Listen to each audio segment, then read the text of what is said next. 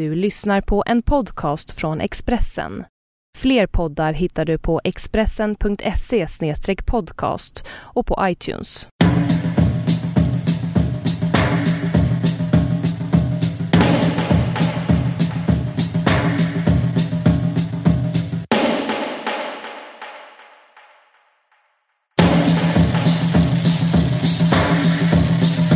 Det här är en Vargsaxen-podd med eh, mig som heter Liv Strömqvist och dig som heter... Caroline Ringskog Ferrada Nali. Vi ligger i mitt sovrum som är helt nersläckt. Så ligger vi under en massa täcken och jag har en varmvattenflaska mot huvudet. Utanför är det en höststorm. Vi är sjuka. Vad kan jag berätta mer? Nej men jag är också sjuk. jag är sjuk och jag har ont i mitt äh, vänstra öra just ja, nu. precis. Jag läste att grungen hade kommit tillbaka. Ja, ja. Vilket gl- gladde mig. För Ja, att det det- passar ihop med min sjukdom. Jag har också ont i örat. Och nu har jag gått runt med en mössa hela dagen inomhus. Ja, coolt. men, men vad är din källa till att grungen är tillbaka? Metro. Tidningen Metro som jag läste idag på... Vad fan läste jag den? Jag är utbränd så jag har också en minnesförlust. jag måste den på något ställe där jag var. Var fan har jag varit? Kommer inte ihåg. Ja, det spelar ingen roll var. Nej. Förlåt, nu ber jag om ursäkt om detta är en spaning som alla gör. Ja. Men det må, är det en slump? Alltså det kan ju inte vara en slump att de här stormarna heter så här Gudrun och Simon. Eller är det det? Uh, Alltså att det är en patriarkal konspiration som döper dem. Till ja, kända feminister. Ja, som du menar Gudrun Schyman och Simon D. Ja visst, absolut. Ja, ja, ja nej, det, det är säkert ingen slump, men eh, jag hörde Typ så här, att stormen Simon först hette för- Judas. Läste du det? Va? Ja. Eh, Vem först, döper dem? Jag vet inte, kanske någon på SMHI. Först hette den Judas och sen så... Riktigt sjukt nättroll på SMHI. Jag sa så bara, nej det kan inte heta, det måste heta Simon. Nej men... ehm, Och sen bara, den ska heta Ahmed. Nej, men, det kanske, den spaningen eh, kanske, kanske stämmer. Eh, du menar att det är någon som hatar feminister som Ja, och sen är det så här, Gudrun har förstört allting i Sverige. Det kommer aldrig att bygga upp igen. Alltså att man får den konnotationen till det namnet. Ja. Och sen bara den förödelsen som Simon har, har haft med sig i hela norra Europa går inte att överblicka typ. Nej men det, det stämmer säkert. Men det är säkert en helt vanlig människa om du förstår vad jag menar som har döpt den. Alla hatar feminister. Du liksom är i Malmö nu. Ja, jag är i Skåne hela Ja, tiden. Hur känns det? Jo, det är bra. Jag är här och tar körkort bland annat. Eh, Det, men det känns bra. Jag funderar lite på att flytta tillbaka till Malmö. Det är så billiga falafel här. Skojar, det är inte därför jag ska göra det. Men, men jag tycker det är väldigt... För att du vill vara närmare mig. Ja, nej, men det är väldigt mysigt här. Eh, men jag tar körkort. Det, eh, det är en väldigt speciell eh, eh, grej att hålla på med körkort. Du fortsätter med den här grejen att leva som en 18-åring. ja, nej, men är inte det ett sätt att bli vuxen och ta ansvar? jo. För Absolut. en 18-åring. Snart kommer bli 20. Nej, men... Eh, ja. Ja, det är jättebra. Upplever du som jag att, att prata om sitt körkort är liksom ett sånt eh, extremt allmänt samtalsämne? Det är precis som kanske förr Som att prata om kan sig. dialekter kanske. Ja, eller så förr i tiden hur män pratade om lumpen, typ när fortfarande Ja. män gjorde lumpen. Typ Ja. att det var så här, något alla män kunde enas kring liksom. Ja, Och körkort är också en sån grej som alla kan prata om. Alltså man kan prata med vem som helst om det. Så är det, så här, det är ett jävla mys att börja ta upp så hur det var när man tog körkort. För att det är så himla många som, som liksom delar den erfarenheten. Det finns ju inte så många sådana saker kvar i samhället. Liksom. Lumpen är inte så till exempel längre. Nej. vad det en gång var. Nej, Men fortfarande kan man ha samma, exakt samma anekdoter om så här en konstig körskollärare. jag tycker jag, jag pratar en del om mitt körkort Ja, med berätta. kreti och pleti. Ja. Och då upplever jag att det finns körkortsanekdotsklyschor. Ja, Förlåt att säga det, men till exempel det här. Säger alla på default. Eh, min körkortslärare var så jävla dum i huvudet. Jag vet inte, jag tycker det är lite så här eh, oanalytiskt. För det, det är ju också så här första... Det är ju en väldigt, uts, u, väldigt så här utsatt situation man är i. Och det, de blir ofta liksom stressade. Jag, tror, jag tycker inte mina är dumma i huvudet, men de, är ju, de skriker och är lite taskiga. Men det beror ju jättemycket på situationen. Så att jag har liksom svårt att gå in i det här, prata skit om eh, körskolläraren. Men det, är som, det är liksom som en sån, man pratar skit om chefen lite. Ja. Sån stämning. Eh, Men jag kände att jag fick en... ehm, Alltså, äh, jag blev väldigt knuten till min körskollärare. Jag började också tycka om min körskollärare. Liksom så här. Men jag kände att jag fick ett sånt Stockholmssyndrom till min körskollärare. För jag blev så här... Jag var så jävla rädd när jag kör, Alltså jag hatar att köra bil fortfarande. Och känner ofta så här... Kan nästan känna så här dödsångest när jag kör bil. Ja. Och gjorde också det när jag övningskörde liksom. Och då i och med att han var med mig hela tiden och ehm, också så skrek han åt mig och bara skällde på mig och var liksom helt så här. Vad i helvete håller du på med? Och du vet bara ställde, ställde sig på bromsen och sånt liksom. Ja. Eh, och då liksom typ eh, fick jag liksom ett sånt band till honom som var så här. Jag vill, alltså det var- det blev som ett sånt misshandelsförhållande. Så här, jag vill att han ska tycka om mig. Jag vill att han ska, jag var rädd och ville ha bekräftelse. Mm. Vilket gjorde att jag blev jätteknuten till honom liksom. Jag fattar. Men det kanske är smart på ett sätt. Alltså för då så, eh, så lurades du in i att bevisa dig och till slut ta ditt körkort. Du fick ju lappen, eller hur? Jo, fast jag tog hundra lektioner. Men jag har två körskollärare som är väldigt eh, eh, liksom, speciella båda två. Det är också, jag måste ändå så adressera, men jag, jag lever ju i ett, jag umgås bara med exakt samma typ av människor. Och de människorna är exakt som jag själv, alltid. Liksom. Någon, alla kanske har en podd eller typ är frilans. Det är, typ, det är det jag ser, lever och andas liksom. Ja. Men eh, därför är det roligt att träffa någon som inte håller på med det. Det är kul för dig att träffa någon som inte har en podd. Ja, precis. Det är roligt. Och sen så vet du det... Nej, men jag tycker det är så här eh, skärrande historier. Jag, det är som att i, i vårt fall, när jag sitter och kör så är det att jag frågar den personen frågor hela tiden, körskolläraren, och då berättar de här personerna om sitt liv. Och jag har fått höra liksom rörande berättelser. Liksom. Jag vill inte utelämna dem, Nej. eh, men, men det är liksom väldigt starkt som handlar liksom om eh, så, eh, liksom livets vad ska man säga, fundament. Det handlar om barn, död, barnlöshet, skilsmässa, föräldrar som försvinner, trauman man varit med om. För att jag har så svårt att eh, kallprata. Eller det här är mitt sätt att kallprata, att fråga Mm, någon om att det är så, trauma. ja. Och jag tror att det är, människor inte gör det så ofta med folk. Eh, och, men att alla egentligen vill prata om det. Men jag får berätta en sak för Ja. våra lyssnare. Det, när det, det en historia om dig är när vi skulle liksom få hjälp av en sån teknikvaktmästare en gång på DI. Och då skulle han typ bara, under tiden han skulle hjälpa oss att installera en jävla mick eller något så sa du till honom, är du fortfarande kär i din fru? Ja men det var ju, det var ju en, det var liksom det var fortsättning liksom- på ett samtal som vi liksom har haft jättelänge. Ja, för mig var det som att det var den, fa, eller var första frågan du ställde till honom. Men det var ändå rätt så kul. Ja. Ehm, jo men, ja, men jag fattar. Ja men det är... ehm, Men liksom, upp, upplever du att uh, dina körskollärare blir glada över att eh, få prata med dig? För det kunde jag känna att jag tror att de är van, alltså just att jag var också så här gammal, förlåt men alltså liksom, när, när jag tog körkort var jag, eh, ja men jag var, jag var som du exakt, jag var 33 eller 32 och sådär. Mm. Och då, eh, att de brukar bara, eh, de brukar oftast köra med mycket yngre människor.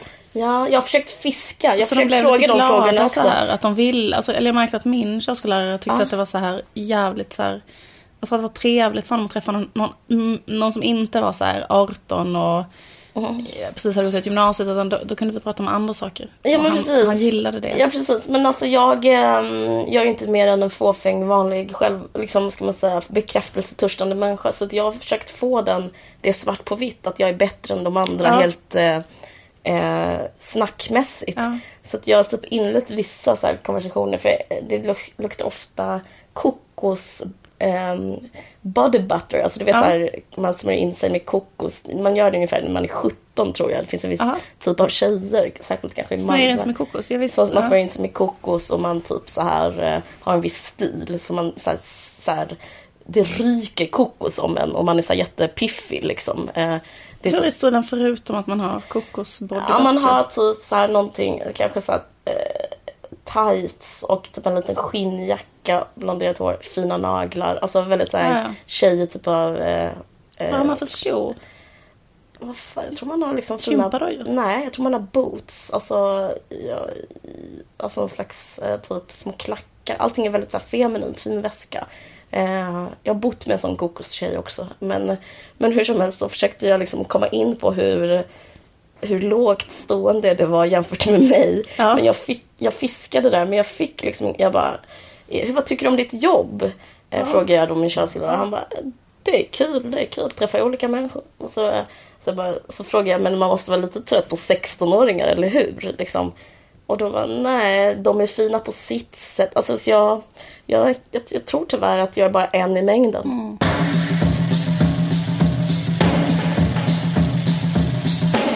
Men en sak som, som, jag, som jag märker nu när jag upp, umgås med den här andra typen av människor är att vi har olika musiksmak och olika så här...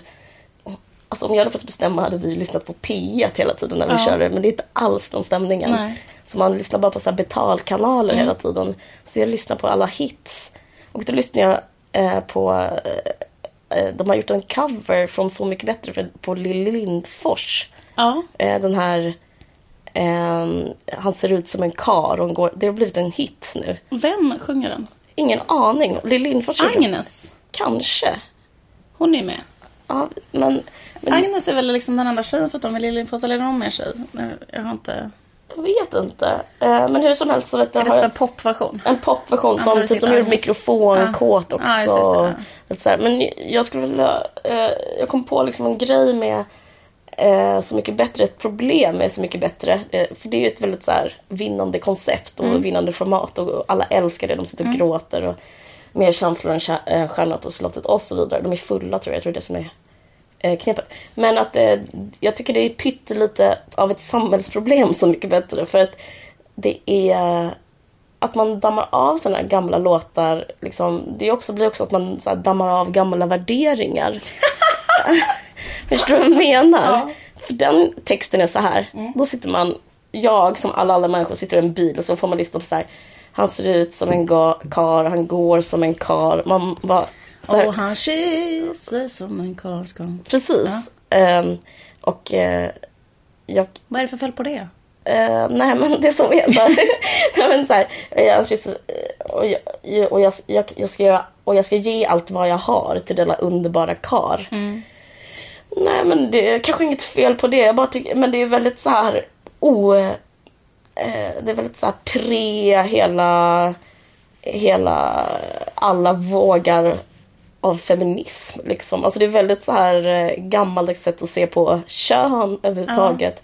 Och väldigt gammaldags sätt att se på kvinnorollen och sådär. Men Liksom, som Lill Lindfors har gjort en annan... Förlåt. Ja, nej men jag bara liksom, Mm. och sen, eh, sen så vet, jag vet inte hur Petters mikrofonkåt är, men den är också lite så keff liksom. Kanske inte så mycket värderingar i den, men liksom, ja, vet, men just det här med, så här, det här med karen som eh, dammas av. Det är jättekul.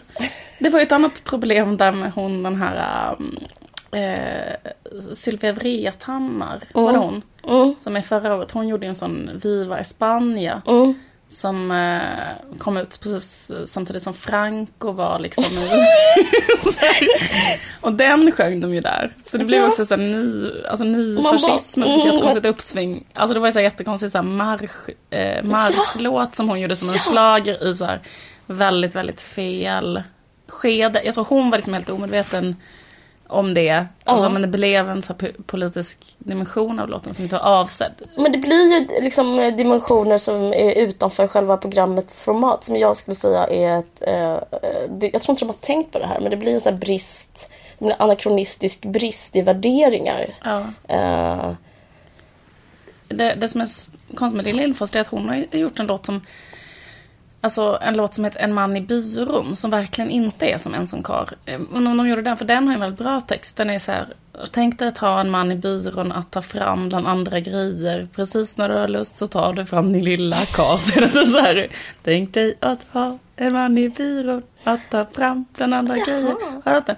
ja. Den är väldigt så här. eh, Den är ju mer progressiv än eh, typ Ja, en, eh, vad heter det? Alltså såna här låtar som är så här vad heter den här Robin-låten? My friends keep telling me he's no good. That I know he's uh, typ Men vilken låt gjorde Lill? Eh, eller den här uh, Daddy I'm in love with a monster. Eller vad fan det nu är. Ja, den är ju sjuk. Men, vad, vad Lill-Babs med är så mycket bättre. Ja, hon var med i första säsongen. Vad är hennes hit egentligen? Ja, det är frågan. Ja, det spelar ingen roll. Ja, det, var bara, det, det, var, det var min lilla spaning jag fick i bilen när jag satt med Mm. eh, min körskolelärare. Så. Men en sak som är konstigt med det programmet tycker jag är titeln på programmet. Mm. Alltså, tv-program. En gång så var vi på ett möte med en känd tv-chef och då sa hon så här. Eh, det viktigaste, eller nästan det viktigaste med, med ett tv-program är titeln. Att tv-programmet har en bra titel. Ja. Och eh, jag tycker titeln Så mycket bättre är verkligen en eh, rätt så dålig och konstig titel på tv-program. Alltså, Tycker vad, du? Ja, för vad menas? Så mycket bättre än eh, eh, Petter. Men vadå så mycket bättre? Så då menar man så här, Att de, de, de menar de att gör den så mycket de, bättre. Ja, de gör, eh, de gör eh, bättre än originalet. Så mycket bättre än originalet. Men är det verkligen det de menar? För inte det är lite liksom kränkande att mena att liksom E-Types version av snö var bättre än Lalas version av snö? Det är inte rimligt. Eller liksom, det är väl mer så här, ja, jag ska göra det som en hyllning till dig eller så här. De sjunger så här, det är så mycket bättre när vi är tillsammans eller sånt där. Men då skulle det vara att om man hade någonting som handlade om det. Att det liksom Ja. var så här, Ja, jag ska bara säga en sak om Lala, Ja. det kan vi klippa bort. Men eh, hon är faktiskt en av de få förebilder jag har. jaha, Ja, utseendemässigt. ja nej Ja. men, eh, Ja. det är mer, nej, mer personlighetsmässigt. Ja. För typ hon, hur hon är som konstnär. ja. För att hon är så här. Mm. Eh, Okej, jag har bara ett exempel. Oironisk. N- Nej, att hon, eh, hur hon tacklar offentligheten. Ja.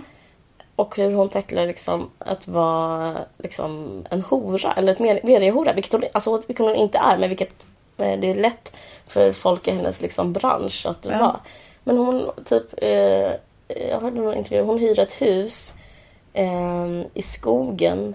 Och så bara är hon där och lever som en sån eh, modern hippie. Eller hon liksom, hon, går in, hon håller på väldigt mycket med naturen Ja. och liksom hon, hon, hennes liksom sätt att skapa på att gå tillbaka till naturen och tillbaka till ensamheten. Ja. Det är någonting i det som jag eh, lockas väldigt Ja. mycket av. Att, eh, att liksom hålla sig utanför och liksom i en slags i, na, i en skog, i en stuga och hålla på med Alltså jag delar hennes naturromantik i liksom förhållande till att skapa. Jag, jag vet inte om det finns så, alltså det, det är inte så trendigt att vara sån men jag, jag gillar henne, att hon gör det. Det liksom. känns som att hon eh, väck, att många människor blir provocerade av henne. Mm. För att hon är så. Alltså att hon tar sig själv på så stort allvar så människor blir, blir provocerade av, av att hon är, jag tror att folk uppfattar henne som pretentiös och blir provocerade av det. Ja, men jag tycker om I det. allmänhet, ja. Jag tycker det är... Eh, liksom att hon lyssnar väldigt mycket på sig själv och sådär. Ja, vi kan klippa bort det. Jag bara kommer tänka på Nej, det. vi har kvar det.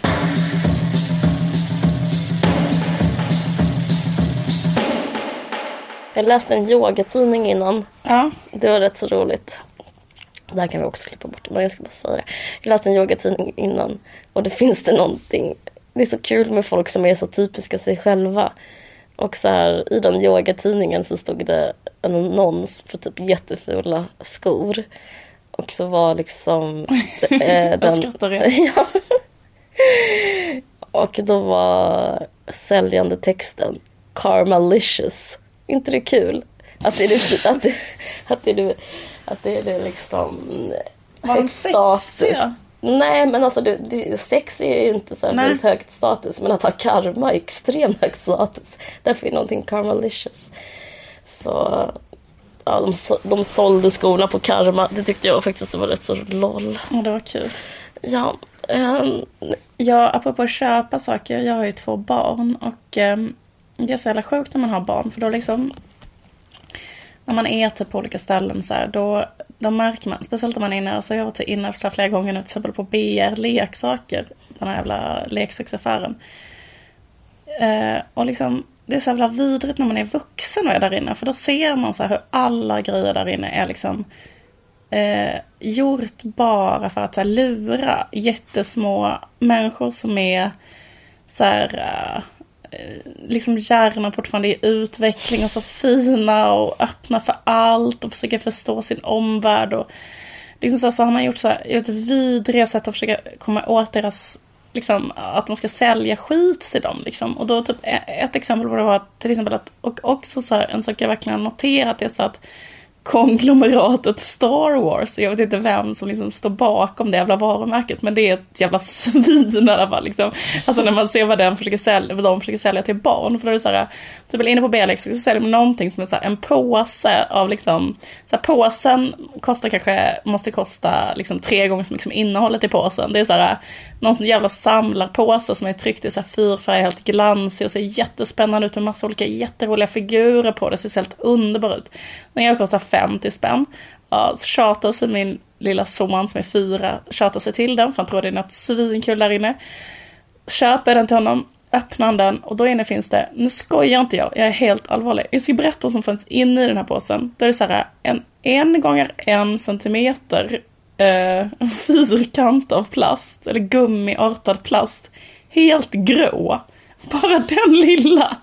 Och sen tryckt någon jättekonstig, tråkig symbol på. Det är som en liten platta.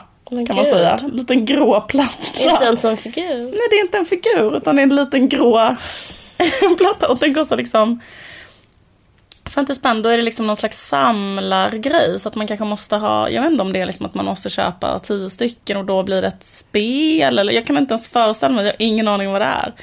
Gud. Eh, men liksom, poängen är att på paketet ser det ut som att det är något askul. Och det är inte det liksom. Nej. Och, eh, och då blir, kan man bli så himla förbittrad och arg som förälder. För man går runt där inne så ser man att 80% av alla grejer de försöker marknadsföra där är så. Att man ser att det så kommer gå sönder direkt. Eller det är skittråkig grej som ser ut som att den är rolig. Så, så hände det också att vi var inne i affären lite senare i vanliga ICA. Och då hade de plötsligt satt upp ett jättestort eh, en jättestor jävla pappgrej där inne på ICA med massa olika hyllor och så.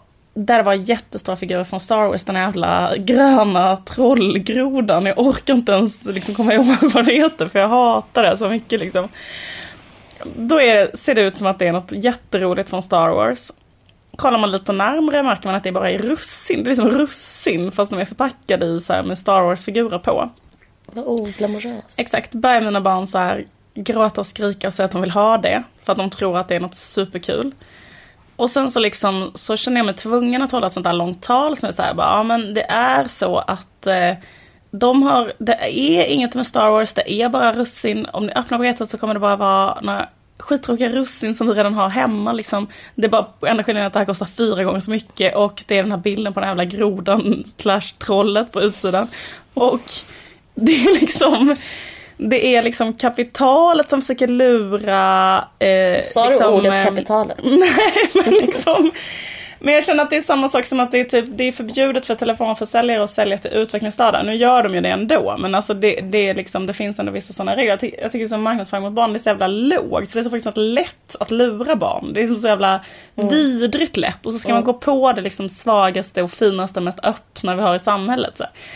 Och sen bara, ja ah, men okej, då, då ska man tvinga dem att liksom, eh, eh, liksom så här, tjata sig till de jävla russinen. Och då står jag och liksom... Och, och, och så, Vad sa du till dem då? Ja men jag sa så här, typ att de försöker, de försöker lura er.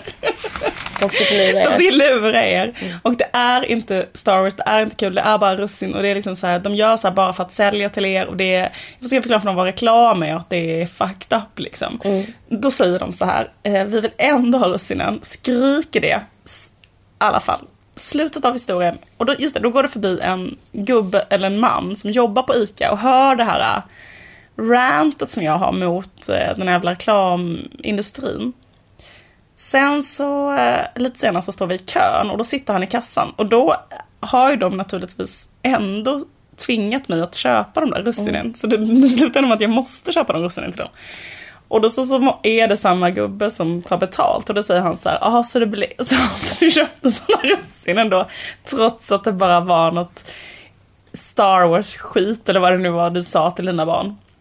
Och då var jag tvungen att vara så här, ja okej, jag har liksom ändå, liksom var jag tvungen att liksom så här böja mig för den ICA-handlaren dessutom Åh. på slutet. Vilken, ja vad jobbig grej. Men, men jag vet inte, där, jag känner mig rätt så tudelad för att jag, jag, jag har ju inte barn själv men jag har, varit, jag har ju varit barn. Och jag har varit väldigt utsatt för sådana typer av tal. Ja, jag med. Eh, det är liksom, eh, och, och jag tycker det var så jävla jobbigt att få sådana tal på mig. Och jag, alltså, ja, du har ju rätt men samtidigt, jag vet inte fan, alltså det är så här.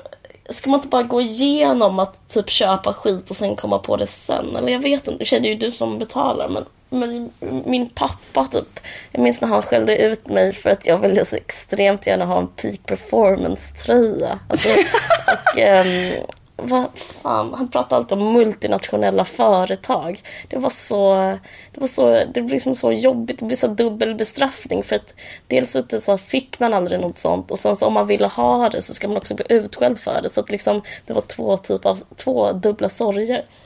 Först är du exploaterad av ett multinationellt företag som utnyttjar att liksom Ja, ja, ja precis. Och sen att så du är ett barn och sen också blir du utskälld för att du blir, för att du har fått de begären som de Ja, har precis. planterat in i dig. Begäret efter peak performance. Jag kommer ihåg till exempel när, ja men det kan vara lite jobbigt med så här, alltså jag, jag vill inte kritisera dig som mor, men det kan vara lite Jo, jobbigt får med sån, göra. eh, med sån eh, socialistförälder. Liksom, för, att- för, för om man lever till exempel i en marknadsekonomi, för det kan man liksom inte hjälpa som barn att man gör. Liksom.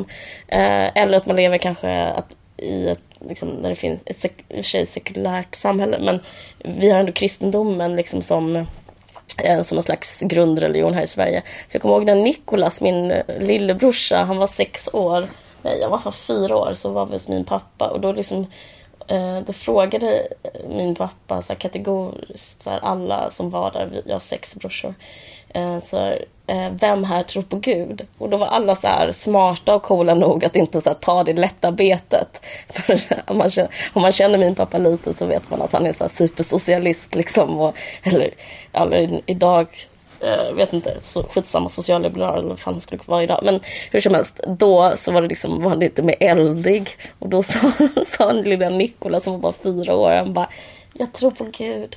Och då fick han liksom hela det här Marx, eh, liksom Marx åsikter om opium för folket och så skulle Nikolas liksom stå till svars för det. Och det kan jag tycka var lite så här eh, o- opsykologiskt av min pappa att så här skälla ut Nikolas för det här med eh, eh, vad kyrkan har gjort mot människan och liksom hur, vad kyrkans makt och ja, hur det förslavar människor och sånt där. Absolut, det är, jätte, alltså det är jättekonstigt. Men jag måste säga att jag ehm, eh, brukar inte ge, liksom hålla sådana socialistiska föreläsningar för mina barn. Jag tror det är nästan första gången det har hänt. Men det var för att det var sån ackumuleringseffekt just av det där jävla eh, företaget. Att jag liksom blir så arg för att vi lurar det, dem hela tiden. det. Och att vi hade köpt den där plastbiten innan på dagen och liksom att det var samma. Alltså du vet så här.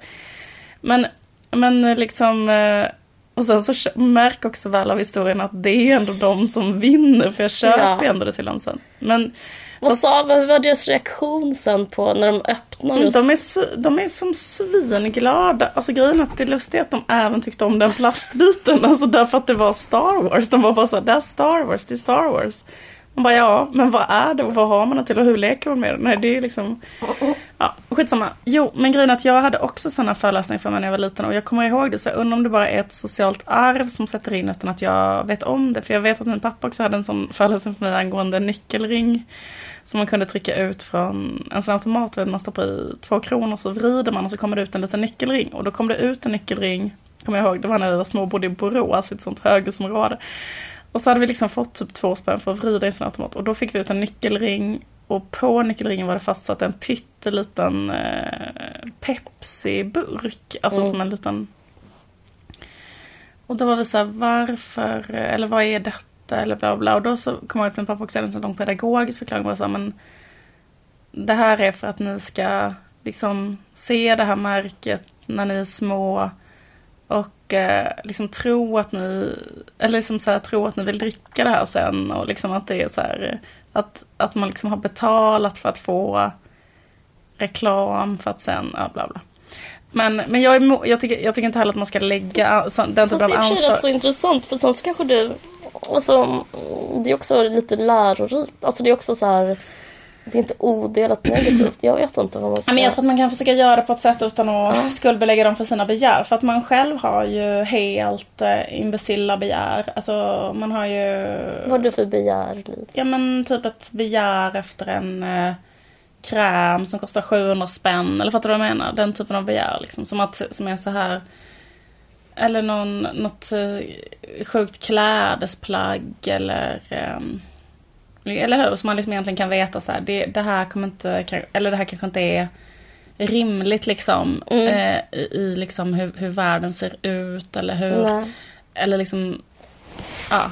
Ja, jag vet. Fast det är ändå gött att få det. Ja, men visst är det det. Det, det finns också för vuxna, apropå just russin. Känner du till hon René Voltaire? Eller hon, jag har verkligen gått på det här. Det är ett företag som heter... det finns så här, Nej, systrarna Voltaire som så här, lanserar raw food. Alltså att man typ kan köpa ett äpple som är typ oh. deras märke på. Det är Voltaire.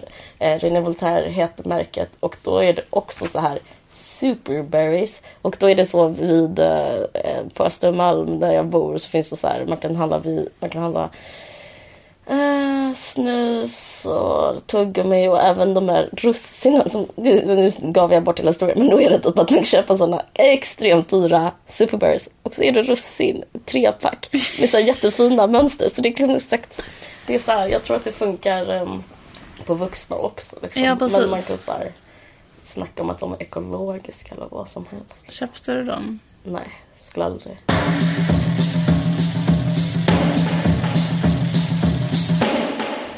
Jag, måste, jag fick ett jättefint mail från en poddlyssnare. Mm -hmm. Till, äh, bara till dig? Ja. En, en tjej som är så här en feminist som, eh, som eh, liksom skrev hur, hur mycket hon tyckte om podden och sådär. Och då kom jag, jag... Vi brukar ju få mejl ibland av liksom poddlyssnare som blir så här, som vill säga att det är mycket så här, ja, Eh, Eh, jag, eh, jag brukar mest få från män, så här, unga män, eller så att män i 30-årsåldern. Men så märkte jag att jag blev så extremt mycket mer glad av den här tjejen som var så här, eh, tack för typ eh, din så här, feminismanalys och bla bla bla. Och, eh, men jag kom på, för jag tänkte så här, varför blev jag så glad över det och typ eh, så himla blasé av typ ännu en mediaman som hör av sig. Så tänkte jag men att det måste ha att göra med eh, mig själv, att det är också är egot eller så här. Säg att jag vill bli omtyckt av mig själv. Säg att man håller på med den här typen av verksamhet för att få bekräftelse, för att kanske delvis det finns andra anledningar. Men att man håller på, det kanske finns ett slags uns av självhat hela tiden.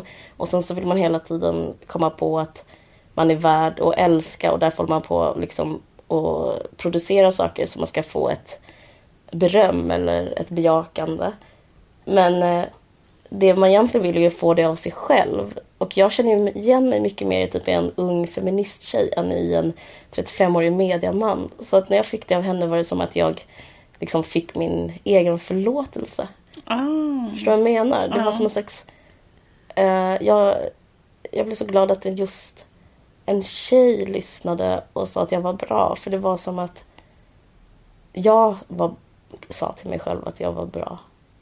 Det, alltså förstår vad jag menar? Ja. Förlåt för flum. Nej. Det var en väldigt härlig upplevelse av helhet. Och, eh, fast den kanske är sorglig för den kanske har med självhat att göra. Men hur som helst var det gött. Tack för att ni lyssnar. Ja, tjejer. tjejer och killar och också. Killar.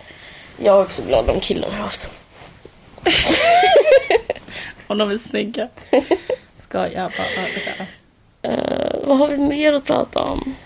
Du har sett en film med Sandra Bullock som heter Gravity. Gravity. Ja, det såg, den såg jag. Mm. Um, känner du till den? Ej, pyttelite. Det är väldigt tråkigt att prata om film i poddar. Uh, för det är liksom det är ett visuellt medium som ska återge. Det är lite som att prata om drömmar. Uh, skitsamma. Det här... bara berätta snabbt vad jag drömde i natt? Ja. Apropå jag drömde att jag, att jag såg Marie Serneholt naken. Eller typ att Marie Serneholt klädde av. Eller liksom att jag var i ett sammanhang där Marie Serneholt... Säg hela drömmen ska jag analysera den. Men jag kommer inte ihåg någonting mer. Jag kommer bara ihåg det här. Mm. Jag är i ett, ett rum med Marie Serneholt och hon är naken. Mm. Och hon har typ en inte så jättesnygg kropp. Mm.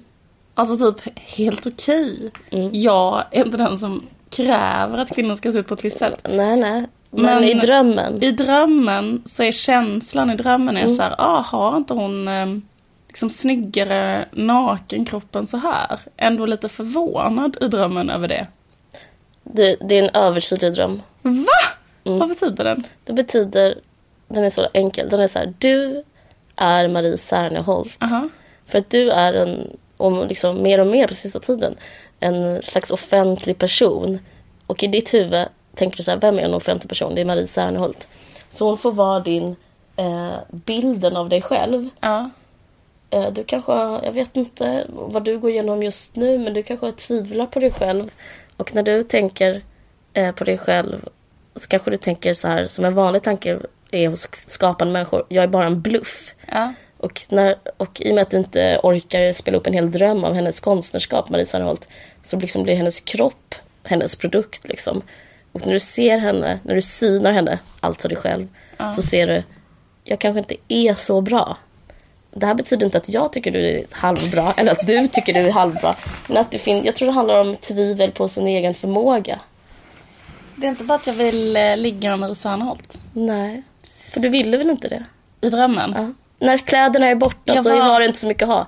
Eller när seriealbumen synas så kanske det bara är en vanlig ruta med, Ja, det. med streck och gubbar. Men kanske, alltså nu vaknade jag men det hade ju Kanske hade drömmen fortsatt till bara en helt vanlig sexdröm som att vi hade legat med varandra. Det det hade varit gött.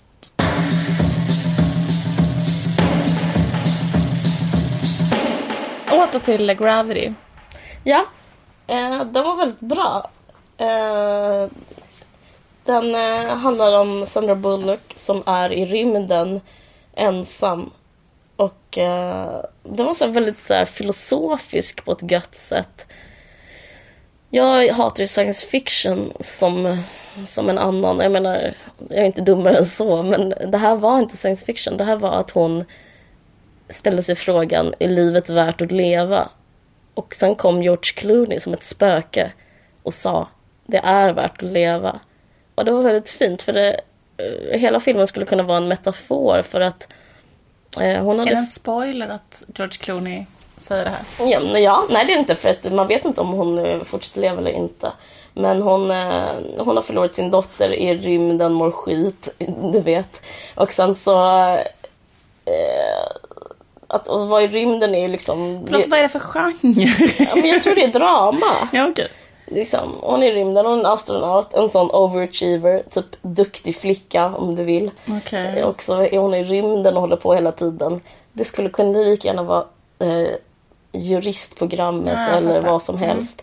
Och så liksom flyr hon in i den här rymden, som är den riktiga rymden då. Och, eh, så, och så har hon sv- svårt att ta sig hem till jorden igen på grund av ett tekniskt haveri. Men så ställs hon inför ett fråga som är Vill jag ta mig tillbaka eller vill jag inte?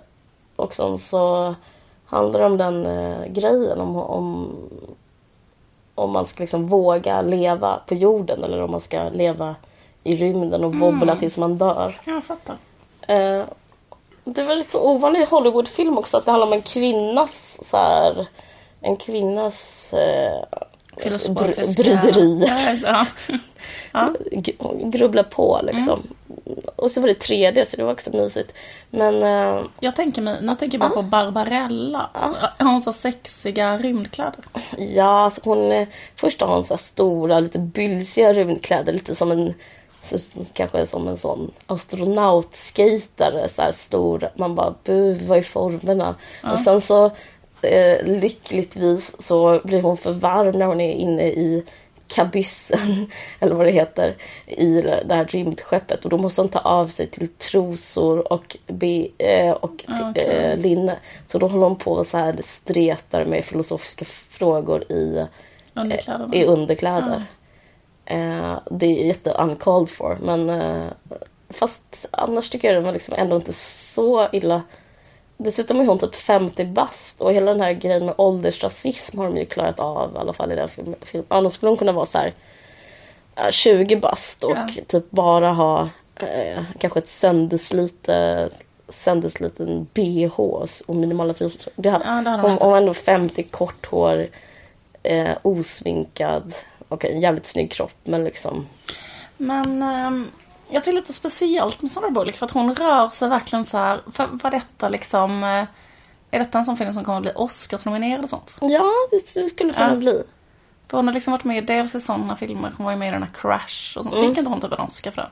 Ja, jag är dålig på min Bullock, jag kan Ja, inte precis. Ja, men hon liksom så här, verkligen, eh, hon blandar högt och lågt om man säger så i sin karriär. Ja, Jag har sett extremt många Sandra Bullock-filmer för jag hade ett sånt projekt för länge, länge, länge sedan som var att se alla hennes filmer. Men alltså, jag vet inte varför det där projektet så extremt tramsigt projekt. Men det slutade i alla fall med kanske 2000, år 2000. Så det var väldigt länge sedan. vad är Men dina känslor inför henne? gillar henne skitmycket. Och dina? Mm, jag gillar henne också. Alltså jag tycker hon typ har en slags sorg över sig. Så Ja. En sorg, eh, skugga i ansiktet. Men jag kom på en sak, att det kan ju vara att hon bara är brunhårig. Jag tror inte det. Tror inte det? Nej. För man brukar... Så Hon spelar ju ofta så en underdog. Just hon spelar ofta så ensam till Ja. exempel. ja, Det kanske är det. Att hon spelar så här, eh, jag tänker den där filmen Medan du sov. Då är hon så här, det, då är det liksom att hon är ensam. ja. Och också Miss Secret Agent. Är hon också ensam där? Ja, ensam. Är hon ensam med speed? Uh, minns inte. Är det hon som är busschauffören? Eller är det Keanu Reeves som är busschauffören? Jag vet inte. Jag Jag gillade liksom sett- den, men jag minns fan inte den. Nej, den är inte så bra. Men, eh, Däremot Miss Secret Agent 2 är faktiskt en, jag rekommenderar verkligen den filmen. ja, men där är hon lite smilig ibland, är hon inte det? Mm, Ja men den är rätt så kul för då är det typ så att hon är, alltså den ställer ganska intressanta så här, genusfrågor. I ettan är det så här, ja men hon är en butchig eh, polis som måste klä ut sig till en, eh, till en skönhetsmiss och liksom hon måste eh, konstruera sin eh, femininitet på ett så väldigt övertydligt sätt. Det är så att typ först är hon en människa och sen måste hon klä på sig femininitetens attribut så här. Okej. Ehm, som är att vara en skönhetsmiss för att det finns ett hot mot eh, Mm. en skönhetstävling. Så därför måste hon klä ut sig till skönhetsmiss och infiltrera skönhetstävlingen. Så är alla skämten så här, hon klarar inte av det för hon är så butchig liksom. Okej. Och hon är så här, hon har aldrig haft en kille, hon är ful, hon är dålig på alla så grejer. Men sen när hon har lärt, tränat sig vara skönhetsmiss så får hon bli ihop med en annan snut. Okej. Slutar lyckligt. Men det är ettan. Sen är tvåan det så här, hennes kille är typ ett otroget svin. Då lämnar hon honom. Blir istället vän med en annan snut. Och sen handlar det bara om så här kvinnlig vänskap. Typ att de två ska vara vänner och att de två... Och då blir det omvända historien. Typ att hon har blivit så här superfeminin. Mm. Går runt och är så här feminin och jättejobbig, håller på med så höga klackar och läppar och sånt. Sen så liksom, väck, liksom kommer hennes riktiga jag som att vara liksom en butchflata fram igen Ja. i tvåan. Och så är det bara att hon är vän med en annan kvinna och på slutet blir en butchflata igen. Mys. Så liksom en reverse av ettans liksom extremt sexistiska upplägg. Ja. Som man liksom gjort tvåan. Och jag vet inte liksom hur man har lyckats göra det som en sån verkligen så Hollywood B-film. Det låter Det är ju otroligt dåligt spelat och så men det är ju liksom ett väldigt subversivt budskap. Verkligen. Så tror, tror de nästan gjort, eller de som de säkert har gjort av misstag men kan ändå rekommendera. Har den den där sorgen i den också? Alltså det där... den- Absolut. Ja, men jag tror faktiskt inte man ska underskatta hårfärg. Jag tror faktiskt, ja men tänk på Winona Ryder. Hon har alltid spelat så här. Hon är ju brunhårig och typ spelat så här den svåra tjejen liksom. Ja just det. Vet, finns det någon sån blond som får vara så här djup? Jag kommer inte på en enda. Gwyneth Paltrow kanske? Ja, hon är lite smart typ. Ja. Okej då, det föll.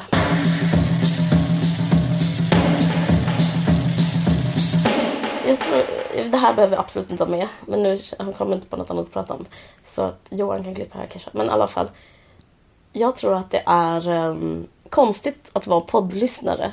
För jag har börjat lyssna lite själv också på poddar. Och det som är konstigt är ju den här grejen att man tror man känner den som gör podden. Och det är nästan som att eh, när man lyssnar så är det som någon har ringt upp en och, och, bara, och ska berätta massa saker som har hänt dem. Mm. Så att, så att, och då blir det svårt att inte få... Alltså jag tänker på det här med att så många hör av sig. Att det, det måste vara en sån grej att eh, de bara ah, men du ringde. Liksom. Ja, just det. Eh, du ringde. Eh, okej, förlåt att jag inte hann svara innan men eh, vad, vad var vi? Typ. Eh, att det är lite... Det är, det är typ ett nytt problem med det här mediumet. Att det är liksom så här... Mediumet. Mediet, att, att det liksom... Att det liksom låter som en tvåvägskommunikation men det är ju liksom bara envägskommunikation. Men det är kanske är lite som det är när man lyssnar på artister som sjunger på svenska så väldigt tydligt. Som, alltså jag tänker på varför Håkan Hellström är så känd. Ja. Så det är så att han sjunger väldigt tydligt, väldigt så Ja. artikulerat Ja. om så här saker som han känner. ja. Och Då känner man att man vill sjunga, ringa upp honom och sjunga till man bara, du ringde, jag ska sjunga tillbaka. Nej, men då känner man att man bara, eh, vi delar någonting. Du, du har öppnat dig och eh, jag håller nog på att bli kär i dig och jag håller med dig om det där, kanske inte om det där. Men liksom att det är, så att det, är, det är ett sätt att skapa relationer som är falska. När jag eh, hade haft mitt sommarprat, då var ju du med för då Ah, var vi på gud, vad det var sjukt. För att direkt när, Ja. direkt när programmet hade slutat sända så bara ringde du liksom i min mobil. Mm. Då var det bara så ah, tjena det är, det är Sven Det liksom. är den och sen är det sen, den. Sen, så- och sen så bara så här, ah, nej men jag tänkte att eh, då var det liksom en brevbärare typ som satt och körde i sin bil. Och då var jag så här, han bara, nej men Jo, men jag skulle bara säga att jag tycker det var bra och det var bra. Alltså det var som att, ja men exakt som att jag hade ringt honom och hållit hela mitt sommarprat och sen så liksom ville han svara bara. Ja, för det är nästan kanske oartigt och inte så Ja, här... precis, eh, exakt. Så det var ju liksom många... tyst. Ja, precis. Så då, liksom, då bara ringde han direkt och ville liksom ge, alltså ge sin feedback. Eller liksom berätta om sina egna upplevelser. Ja. Med att nu hade jag berättat mycket om mig själv och då berättade han mycket om sig själv. Liksom. Ja, men det var väldigt speciellt. Vi satt där. Det var Mm. In, det var, man skulle kunna kalla den eh, perioden pre-Christer Henriksson. För det var innan han hade kommit in i vårt liv. Men, Ja. men då satt vi där eh, och sen så åkte vi, eh, kom en chaufför, en funktionär och hämtade oss. Och då ringde det hela, hela, hela tiden i din mobil. Och du gav telefonen till mig till slut. Och jag eh, började svara som din sekreterare. För att det var så många som ville säga vad de tyckte. Alla var ju positiva men Ja, ändå... men jag var jätterädd att det skulle vara något negativt. Därför jag tänkte att du skulle svara och sen skulle du liksom ge, alltså skulle säga, säga typ till dem att, mm. eller jag vet inte. Det låter som att man är rädd att man ska ringa och skriva. Men det är lite konstigt med typ så här hur, eh, hur media och eh, liksom hur kommunikation är uppbyggt. Alltså Ja. att det är så här... eh, Jag tror det är svårt som lyssnare att veta, sin, veta sin plats. För man vill inte känna sig så här... Man måste kanske så nedvärdera sig själv om man inte får säga sin egen åsikt i frågan. Eller jag vet inte. Om man typ tycker om någonting eller så här får tankar om någonting. Har du själv hört av dig någon gång till någon som du tycker om eller någon som har berört dig? Nej, faktiskt. Men det har att göra med att... Men du har sagt det till någon när du har träffat någon? För det har jag till exempel själv varit med om. Ja, vem? Du sa det till exempel till Harriet Andersson, eller? Ja, det sa jag till Harriet Andersson. När du träffade henne, då var du så här, jag vill bara säga att du har betytt jättemycket för mig, typ. Ja, Ja. det har jag gjort. Men jag har inte... Skickat ett brev. Nej, och jag skulle ha svårt att göra det i så här man, eh, man mot kvinna. Nej, men typ i den... Jag har aldrig gjort det mot en man och jag har aldrig liksom velat... Eh, för jag upplever... Det är kanske är min egen brist på, vad ska man säga, styrka och trygghet, inre trygghet. Men om jag säger till kanske till Bob Hunt sångare, vilket jag inte har gjort, men vilket jag haft tillfälle att göra när jag var 14 och de spelade på Godsmagasinet i Simrishamn. Ja.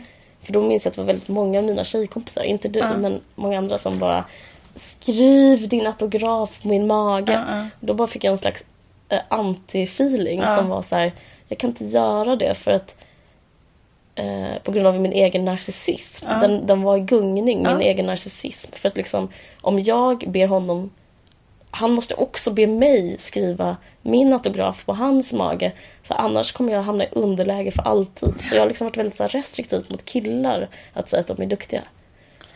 Ja, men eh, det känner jag igen liksom överhuvudtaget. Så här, eh, det, det kan jag känna överhuvudtaget att man är så här. Man har inte velat göra det, men, och det, fast det tycker jag man kan märka nu också, kan inte du märka med sådana människor som inte vill säga sånt till dig till exempel? Eh, men, På eh, grund av att de känner att sin egen narcissism kommer i gungning. För så tycker jag jag kan märka. hur då? Ja, men jag kan märka till exempel att någon, alltså till exempel om, man, om det finns någon som säger så här, ja men jag gillar det och det du har gjort och så, alltså sitter, står det någon trumpen person Ja. och vägrar ge en det liksom. Ja. Fastän man fattar att de också har läst det man har gjort och så här, men alltså, så- jag tycker inte det är något fel med det, absolut. Det får man, alltså, så här, men jag känner igen mig själv i det, för jag är också en sån som då inte vill säga så här, ja tack för att om det inte är någon som eh, på riktigt har varit till liksom sinnessjukt mycket för en. Mm. Men jag kommer ihåg en gång när jag var, eh, efter jag hade gått, efter ettan på gymnasiet så var jag på Roskildefestivalen och då var jag och kollade på Rage Against the Machine. Mm.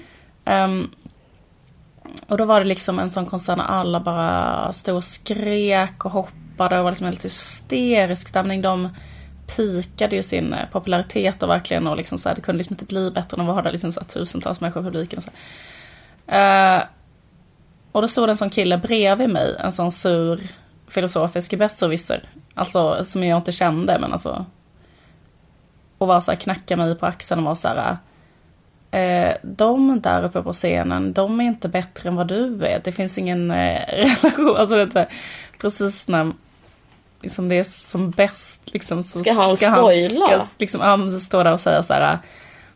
Eh, liksom, don't never trust authority. Typ, eller typ så att all auktoritet är liksom Gud. dålig. Eller så. Ja, jag det var, partybromsare. Ja men det var väldigt störigt där och då. Men eh, på ett sätt har han väl rätt eller vad man ska säga eller sådär att att liksom, det är klart att en sån massiker, speciellt med ett sånt band som Rage Against Machine som är såhär Fuck you, I want to what you tell me, typ, eller hur deras hit Ja, var liksom. det. Sen står alla så här, som en liten armé och studsar upp och ner med likadana frisyrer som Just dem det, och sjunger samma liksom, sak och bara som små studsbollar så här, eh, en armé av studsbollar som säger samma sak som dem och så här. Och sen är det så här, fuck you, I want to do yourself. Men jag bara, Men gör inte det bara fan exakt vad den här sångaren säger till den. Och du säger jump and I say fuck you eller något sånt där. Då typ så här, fast alla hoppar.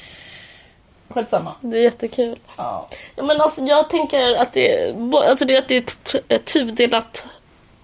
Tudelat, inte svärd kanske. Det är bara tudelat. Eh, för att, eh, samtidigt kan jag så kritisera mig själv för det beteendet. Att inte...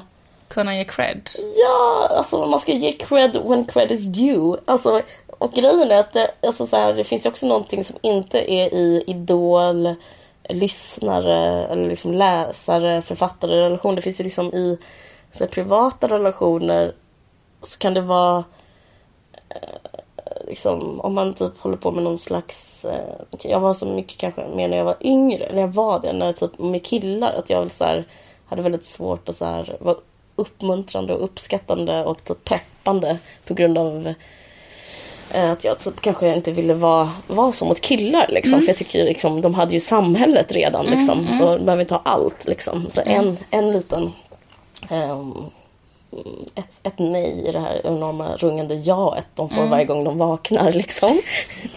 eh, bara av att finnas till. Eh, hur som helst, men, men det kan ju bli liksom lite så här Men det är inte yxigt. för alla killar. Nej, precis. Det är idiotiskt. Liksom, eh, det är också att vara, som en, en, att vara en större människa och vara så här, eh, ha råd och bara säga så här, du är fin, du är bra. Jag tror att jag liksom försöker bli mer så. Alltså så här, försöka så här, kunna ge kanske ge en krönikör på väg. Liksom, att liksom, En uppmuntrande klapp på axeln. Ja, det kan, väl, fan, det kan man väl. Alltså det är så osoft av att inte kunna göra det. Eller? Men jag har varit med om också, ja precis, jag, jag, jag vet inte, men Eller om man verkligen här- tycker att någon är bra, då Ja. är det väl fint att kunna säga det liksom, och, Ja. här, och inte liksom låta sig hindras. Ja. Men eh, har du varit med om någon gång att det känns så här fel? För jag, jag har varit med om så här en gång, eh, för inte så länge sedan så träffade jag, eller så såg jag att eh, matematikern var på samma flyg som mig. Ja. Och eh, jag har liksom eh, dyrkit upp marken som matematikern går. Alltså, Ja. eh, liksom, har hon, eller så här, hennes böcker har betytt så här svin mycket för mig. Liksom. ja, visst. Och sen så bara liksom, så märker jag att hon står, hon är ganska gammal nu, så står hon så här äh, vid någon sån hög äh, jävla flygstege och får inte liksom upp riktigt sin äh, väska och är lite så här brydd över det och bla bla. Och då är jag så här, ja men jag kan ta din väska. Och så tar jag hennes väska och bär upp den för trappan. Eh, och sen så blir hon liksom så himla glad över det. Så säger hon så här bara, men tack så hemskt mycket, vad vänligt, tack så jättemycket. Och då säger jag så här, ja det är ingen fara. Eh, och då borde jag bara ha gått. Men då säger jag också så här, och tack för dina böcker, de betyder jättemycket för mig. Och då bara såg hon så här, liksom lite så avvaktande, liksom avvisande ut, lite så här, och nej, typ jag trodde att det var en vänlig människa Jaha. men det var bara ett jävla psycho, ett bara vanligt psycho liksom. Eller typ ett, ett, liksom ett jobbigt fan. Ja. Liksom, hon gjorde inte det bara för att hon var liksom en vänlig medmänniska. Nej. Utan hon gjorde det för att hon, hon skulle så här, också, hon skulle också ha, av mig. av mig. Exakt. Ja. Och liksom att man, jag märkte så här, och jag bara var så här, fan jag, jag borde bara ha liksom hållit käften. Ja. Eller att man märkte att hon blev så här lite skygg eller typ tyckte att det var jobbigt eller kände sig så lite genomskådad. Ja, inkräktad av att, av att hålla på med det där på flygplatsen liksom. Och liksom att lite därför hålla på att ta hennes väskor. Jag vet inte. Jag förstår vad du menar. Ja. Men, men sådana situationer kan ju tolkas som att personen som så här, ger beröm gör det för ens egen skull. Liksom, att du kanske så här, jag måste säga det men det kanske inte alltså objektet kanske, alltså Märta Tikkanen kanske inte skulle må bäst av att höra det just då. Liksom. Alltså det kan vara jobbigt så här om man... Eh, jag vill vara lite anonym och så är det någon som liksom ja, får skriva om sitt, så sitt, sina värsta upplevelser någonsin hon skrivit och då ska någon så här, typ säga så här, ja just det, jag vet om allt det här som du, eller jag vet inte. Det ja, ja, ja, ja, eller så här att man bara man, man, man vill vara en härlig människa som säger så här, jag, jag älskar dig, du är jättebra, liksom, men det är att kanske inte respektera någon. Jag vet inte. Min brorsa är så att han typ skrik, om han, en gång gick jag med honom på gatan eh, i Stockholm, Birger och varit på Sita och sett någonting. Då hade Tommy Berggren varit där. Ja. Eh, liksom, eh, och då så... Ja, då skrek han Tommy. Då skrek ja. Nicolas såhär Tommy! Tommy! Jag älskar dig! Så, och Tommy liksom bara... Uh, ja men Tommy älskade ju att höra det. Uh, ja, men han, han, måste ju ha tyckt att det var gött. Jo, men det var liksom ändå så här. Uh, det kan finnas... Ja, det var ändå liksom inte... Det var inte rätt plats för... Det var liksom inte... Den situationen passade inte ihop med det beteendet. Det var liksom... Det, det, han, han hade också det här mm, lite avvaktande minen liksom. Eh, men Nikolas var så glad i hågen och bara fått lätta sitt hjärta var så här, eh, det, han gjorde det för sin egen skull väldigt mycket, Nikolas. Mm. Men han, eh, det är nästan som ett tics för honom. Han måste göra det om man ser någon och bara skrika att han älskar någon. Men eh, just den grejen att man älskar någon. Det, det finns det så vissa teorier, nu ska inte jag prata för mycket om det här. Mm. Men att det typ kan vara en egoistisk handling att säga. Alltså, jag tror att det kan vara fan mig Knausgård. Jag läste jävla mycket, många sidor av honom så det kan stå någonstans i de sidorna. Men typ om man säger så här, jag älskar dig. Mm. Att det kräver en uh, mot. Ja, just det. Alltså det är liksom ett krav. Det mm. finns inget som är öppet i det. Utan man säger så här, jag älskar dig. Mm. Då måste du säga du älskar mig. Säg mm. det nu. Säg det mm. nu. Alltså det mm. liksom kommer som en så osynlig bisats. Uh, att det kan vara liksom kanske det mest krävande ja, man kan säga till någon ja. om inte det finns en etablerad relation. Liksom. Ja. Rätt så... Ja. Är det mindre krävande att säga såhär, jag är kär i dig typ? Eller är det samma sak? Jag vet inte. Det är lite mindre krävande eller? Det är nog lite mindre krävande men framförallt handlar det väl om att man ska ha någonting att stå på när man säger det. Men att liksom vara en, det gör ju, Poängen är väl att det inte gör en automatiskt till en härlig människa utan kanske mer en liksom possessiv människa som vill eh, fånga in någonting. Fånga, liksom, ja. liksom träng, tränga in någon i ett hörn. Jag älskar dig. Säg att du älskar mig. Säg mm. det, säg det, säg det. Tack för att ni har lyssnat. Tack för att ni har pallat lyssna. Ni har lyssnat på en Varje söker sin podd som görs i samarbete med Expressen Kultur. Och musiken i början gjordes av Vit Päls. Hej då. Hej. Du har lyssnat på en podcast från Expressen. Ansvarig utgivare är Thomas Mattsson. Fler poddar hittar du på expressen.se podcast och på iTunes.